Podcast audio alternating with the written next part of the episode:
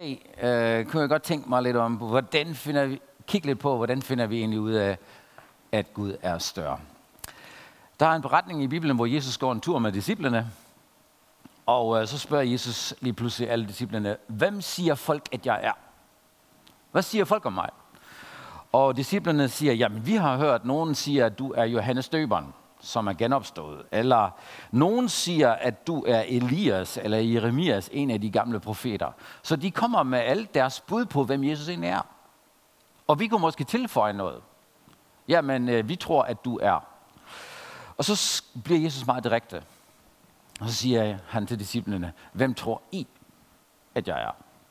Hvem tror I, at jeg er? Og det er jo klart, du, kan, du kunne jo ikke se på Jesus, at han var Guds søn. Han var en helt almindelig et helt almindeligt menneske, en mand, en tømrer, øh, en rabbi, men øh, at han også var Guds søn, det kunne man ikke se på ham. Så Jesus stiller ikke bare et retorisk spørgsmål, eller har en identitetskrise, hvor han tænker, kan I ikke lige fortælle mig, hvem, er, hvem jeg er? Jeg tror, at Jesus han øh, spørger med et formål og siger, hvem tror du, at jeg er? Og det er mit spørgsmål til dig i dag. Hvem tror du, Jesus er? Hvem tror du, hvem han er, og hvad, hvordan han er. Nu har vi jo fået en ny amerikansk præsident, han hedder Joe Biden, og der er blevet skrevet en del om ham. Og du har sikkert dit billede af ham, hvordan han er. Og der er mange, der har et negativt billede, og mange har et helt positivt billede af ham. Men vi ved det faktisk ikke, fordi jeg kender ham ikke. Jeg har ikke været sammen med ham. Det er først, når jeg personligt møder ham og egentlig sidder sammen med ham, at jeg virkelig kan finde ud af, hvem man virkelig er. Sådan er det også lidt med Jesus. Vi har alle sammen et eller andet billede af ham. Og Peter, han siger noget i hans brev senere hen, øh, når, som han skriver, han siger, jeg ønsker for jer, at I vokser hele tiden i jeres forståelse af Gud og Jesus, så at I kommer til at opleve mere fred og mere noget.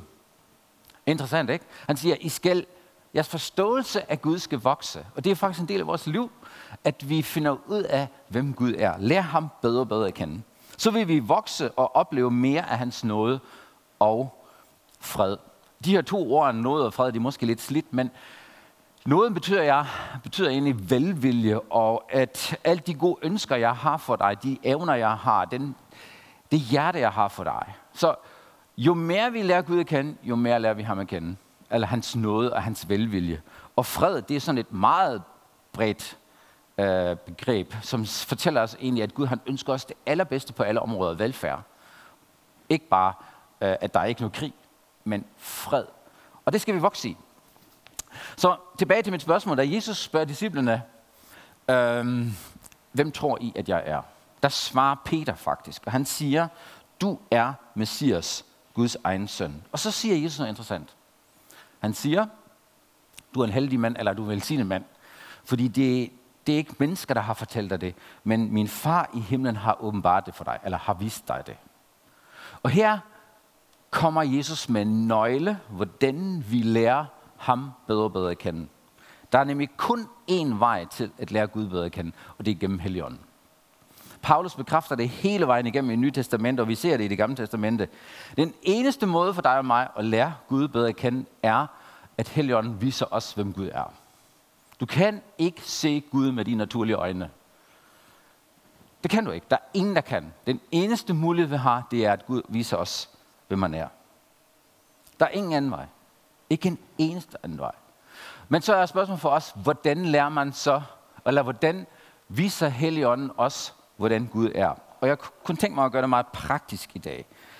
Øh, hvordan kan jeg arbejde sammen med Helligånden, at jeg får et større billede af Gud? Hvordan kan jeg åbne mit hjerte, så at jeg kan se, hvordan Gud er? Skal man læse teologi, ikke? For, for at lære Gud at kende. Der er ikke noget galt med det. Eller skal man gå på en bibelskole, ikke? Eller skal man trække sig tilbage i et kloster, for at lære Gud at kende? Hvordan kan jeg, som er et helt almindeligt menneske i min dagligdag, øh, som har en helt almindelig hverdag, hvordan kan jeg lære Gud bedre at kende? Hvordan kan Helligånden vise mig, hvor stor Gud er. Og jeg har valgt en historie fra det gamle testamente for at illustrere det. Og det er virkelig tre helt almindelige mennesker. Hvis jeg skulle omskrive det i dag, så vil jeg beskrive det som et ægtepar, meget velstående ægtepar, som havde svært ved at få børn. Og så finder konen på en god idé. og Hun siger, du skal bare bruge en af vores ansatte kvinder. Det var en anden kultur dengang. Men altså, du får bare et rumor. Du skal, den gang kunne man jo ikke øh, bruge de moderne, det moderne biologi og bare få lidt sæd og få det plantet ind i kvinden. Nej, han skulle faktisk have sex med hende for at få et barn. Og det lykkedes så. Det, øh, den kvinde får et barn, og så siger øh, kvinden til manden, jamen det skal være mit barn. Men der, der hen øh, rumoren får det barn, så begynder hun så at mæse sig lidt imellem de her ægtepar, og det giver, det giver konflikter. Og de giver problemer. Men det ender med, at alle tre personer, manden og konen og rumoren, får en oplevelse af Gud og ser, at Gud han er meget større. Det har jeg lyst til at læse til jer. Det kan være, at du allerede har gættet, hvad man taler om. Historien står i 1. Mosebog kapitel 16. Abrams kone Sarai kunne, ikke, kunne stadig ikke ingen børn få, men hun havde en egyptisk slavepige, der hed Hagar. En dag sagde hun til Abram, Herren har hindret mig i at få børn. Prøv at gå ind til Hagar. Måske får jeg en søn, som jeg kan regne for min egen. Abraham gik ind på forslaget, og Sara gav ham Ægypterpigen Hagar som hans anden kone. Dette skete 10 år efter, Abraham var kommet til Kanans land. Men da Hagar blev gravid, viste hun foragt for Sara. Sarah beklagede sig til Abraham. Hvorfor tillader du Hagar at være nederlander over for mig? Jeg gav dig min slavepige, for at jeg kunne få en søn. Men nu, hvor hun er gravid, har hun ingen respekt for mig. Må Herren selv dømme, om du eller jeg har ret. Siden hun er din slavepige, kan du gøre med hende, hvad du vil, svær Abraham. Fra deraf var Sarah så hård imod Hagar, at hun til sidst løb sin vej. Herrens engel fandt hende ved en kilde langs den øde vej ved Shur. Englen sagde til hende, Hagar Sarai slavepige, hvorfor, hvor kommer du fra? Og hvor er du på vej hen? Jeg løber væk fra min frue, svarede hun. Vend tilbage din fru og alyd hende, fortsatte englen. Så læser vi lidt senere, vers 13. Efter den oplevelse omtalte Hagar altid Herren, der havde talt til hende, som den Gud, der ser mig. For hun sagde, jeg har set den Gud, som ser mig. Senere bliver... Ja, det er faktisk der. Det stopper vi. Lad os kigge lidt på de her tre personer. Lad os kigge på Sara først. Det er interessant, ikke? Har du lagt mærke til, hvad hun siger?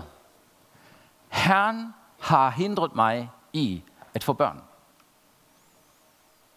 Og så siger vi, jo det står jo i Bibelen, så det må jo passe, det må jo være rigtigt, at Herren har hindret Sara i at få børn. Det er hendes billede. Gud har hindret mig i at få børn. Jeg har ventet så længe, og i vores kultur, der skal man bare have børn. Og hvis man ikke har børn, så bliver man set lidt skævt til, og det er måske en forbandelse, og Gud er ikke med dig, og alle mulige spørgsmål. Det rendte hun rundt med i lang tid. Jeg kan næsten forestille mig, at hun er blevet bitter mod Gud. Fordi det er Herren, Gud, der har hindret mig i at få børn. Interessant billede af Gud, ikke? Man skal passe på, hvordan man læser Bibelen. For hvis du så tager den sætning ud af Bibelen og siger, prøv her, der står der sort på hvid, at Gud har forhindret hende i for børn. Du er nødt til at læse resten af Bibelen og gøre dig umage og finde ud af, okay, er det sådan, det skal ses? For eksempel Job. Han har oplevet nogle negative ting også.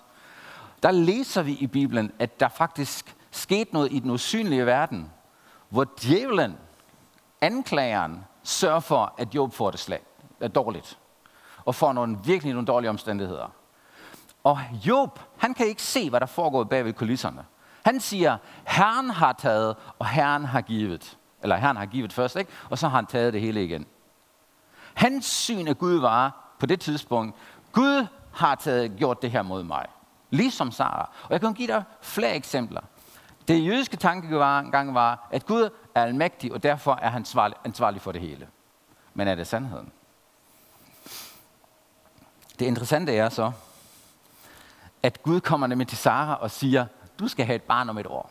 Og det er jo i total konflikt det, til det, hvad hun tænker og føler. Du har gjort, at jeg ikke kan få noget børn. Og så kommer Gud og siger, jeg giver dig et barn.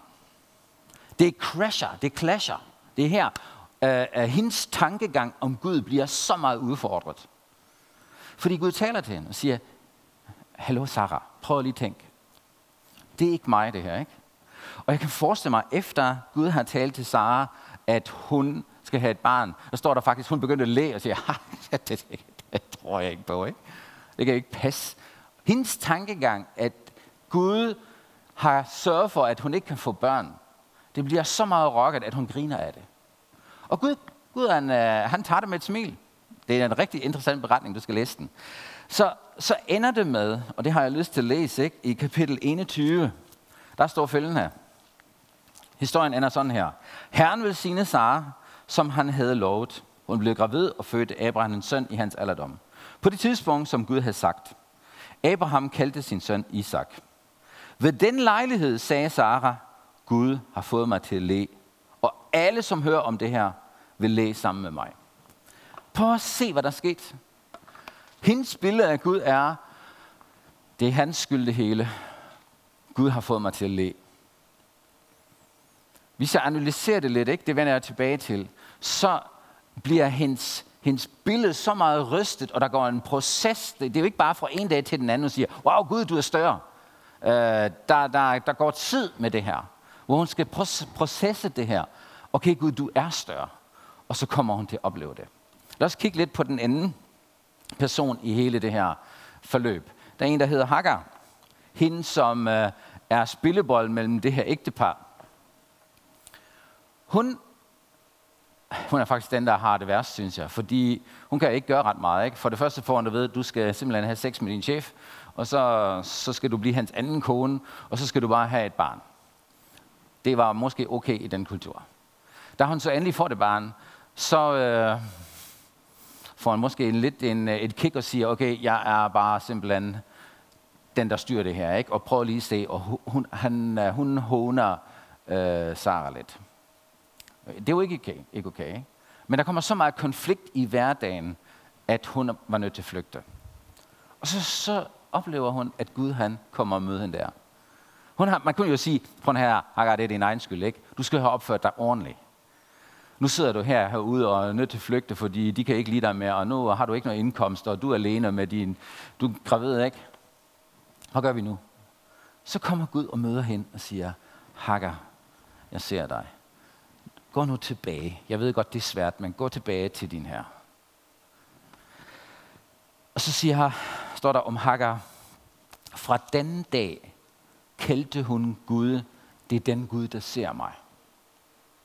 Du har et før og et efter. Du har en proces, en helt almindelig hverdag, hvor Helligånden viser Hagar noget, se, sådan er jeg, jeg ser dig, jeg skal nok tage mig af dig. Uh, vi har ikke tid til at læse alt det der, men Gud han taler faktisk til Hagar og siger, dit barn, det bliver en søn, når du skal give ham det navn, og jeg skal nok sørge for ham. Han profeterer faktisk frem for hendes liv, og giver hende håb og en fremtid. Du er den Gud, der ser mig. Så kommer man kigge lidt på den tredje person, Abraham. Og det er noget andet igen. Jeg har lyst til at læse noget for dig her. Da drengen voksede op og blev vendet fra, i den anledning holdt Abraham en stor fest. Men da Sara opdagede, at Ismael drillede, drillede hendes søn Isak, sagde hun til Abraham, jag den slavekvinde og hendes søn bort. For slavekvindens søn skal ikke have del i arven sammen med min søn Isak. Der blev Abraham meget oprørt over, for Ismael var trods alt hans søn. Men Gud sagde til Abraham, Vær ikke bekymret for slavekvinden og hendes søn. Gør, som Sara siger. Det er selvfølgelig spolet lidt frem i historien. Hagar vender tilbage, øh, gravid tilbage til, sin, til det her ægtepar, til Sara og Abraham.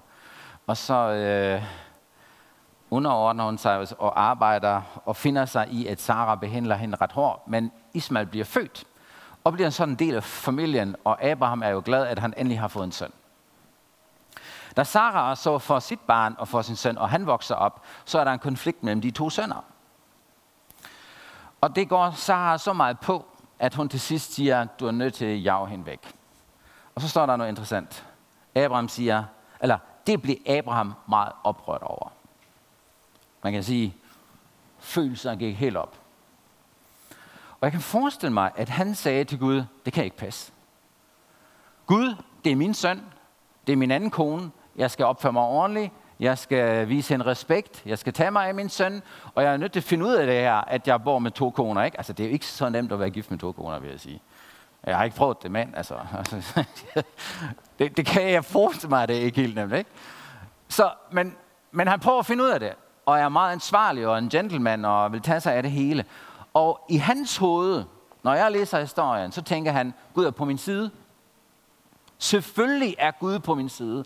Alt, hvad jeg ved om Gud, det er, at jeg skal være ansvarlig for min søn, og jeg skal være ansvarlig for min anden kone. Og jeg skal passe godt på dem. Og lige pludselig siger Gud noget helt andet. Han bliver faktisk oprørt over det her. At hans kone kan finde på, at de to de skal sendes væk. Men så siger Gud noget interessant. Han siger, gør som Sara siger. Gør som din kone siger. Altså, Alja Manek. ikke. Kender I ikke den der? Gør som din kone siger. I den kultur, ikke? Altså i den kultur, der var mænd bare mandsjovinister helt deroppe. Ikke? Og så lyt til din kone og gør, hvad hun siger. Det er jo et nyt billede, han får af Gud, at Gud selv siger til ham, lyt til din kone. Jeg tror, hans billede bliver virkelig rokket. Og hans følelse, at han har ret til at sige, det får du ikke lov til, jeg bestemmer, hun bliver her i begge to mine koner. Ikke? Men det ender med, at han lytter til Gud, og sender hende afsted. Og fordi Gud siger til Abraham, jeg forstår dig godt. Det er helt okay, at du er bekymret. Men jeg skal nok tage mig af Hagar. Og jeg skal nok tage mig af din søn, Ismail. Lyt du nu efter, hvad din kone siger. For mig er det her en så meget dagligdags situation. Så meget konflikt, sådan en sammen øh, kogt familie. Ikke? Der, det, det ligner jo faktisk vores familiemønster i dag. Ikke? Der er så meget råd, og der er så meget konflikt, og der er så meget det ene og det andet. Men Gud åbenbarer sig og viser sig midt i den der konflikt, i den der dagligdag. Ikke? Hvis du fjerner Gud fra den historie, så er det en helt almindelig historie. Hvor tre mennesker lever sammen har en konflikt, fordi de kan ikke blive enige om deres børn og hvordan de skal opdrage sig det hele. Ikke? Men deres dagligdag bliver lige pludselig brugt af Gud til at vise sig, hvordan han er og hvordan han tænker. Sara finder ud af, Gud giver mig virkelig det, hvad mit hjerte ønsker. Wow, jeg blev gravid. Og det var ikke ham, der sagde, du skal ikke eller må ikke have børn. Mit billede bliver rettet. Det er Gud, der har velsignet mig med, med en søn. Og nu lærer jeg, nu er jeg bare glad. Og ja, fedt mand. Gud er stor. Han har, gjort mig, han har gjort mig til at. Og alle andre med mig vil læge. Hagar siger, okay, det er svært det her, men du er en Gud, der siger. Hun har et helt andet billede af Gud, som, som måske som slave og udstødt, så siger hun, Gud tager mig, tager mig seriøst. Ikke?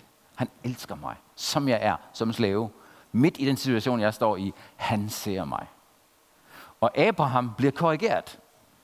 Hvor han mener, jeg har ret til det ene og det andet, hvor Gud siger, hey, din kone er der også ikke. Jeg har faktisk en løsning for din familiesituation. Hør, hvad din kone siger i den her sag. Så alle oplever, hvordan Gud han taler til dem, hvordan de processer tingene, hvor der, hvor der er en proces i gang, hvor deres indre, deres billede bliver forandret, og hvor de får et større billede af Gud. Ikke det, de havde forventet. Så tilbage til vores spørgsmål. Hvem tror I, at Jesus er? Hvem tror du, at Jesus er? Hvordan vokser jeg i min forståelse af Gud? Jeg har lyst til at sige, Helligånden virker og elsker hverdagen. Gud er større i din hverdag. Hvis du tænker, at Gud først bliver større, når du har opnået et eller andet, så tager du fejl. Fordi Gud vil vise sig større i din hverdag. Held Ellen, øh, som talte sidste søndag, var faktisk ind i det øh, og talte lidt om det, at Gud er større i vores hverdag. Det kan jeg kun understrege. Det er fuldstændig rigtigt.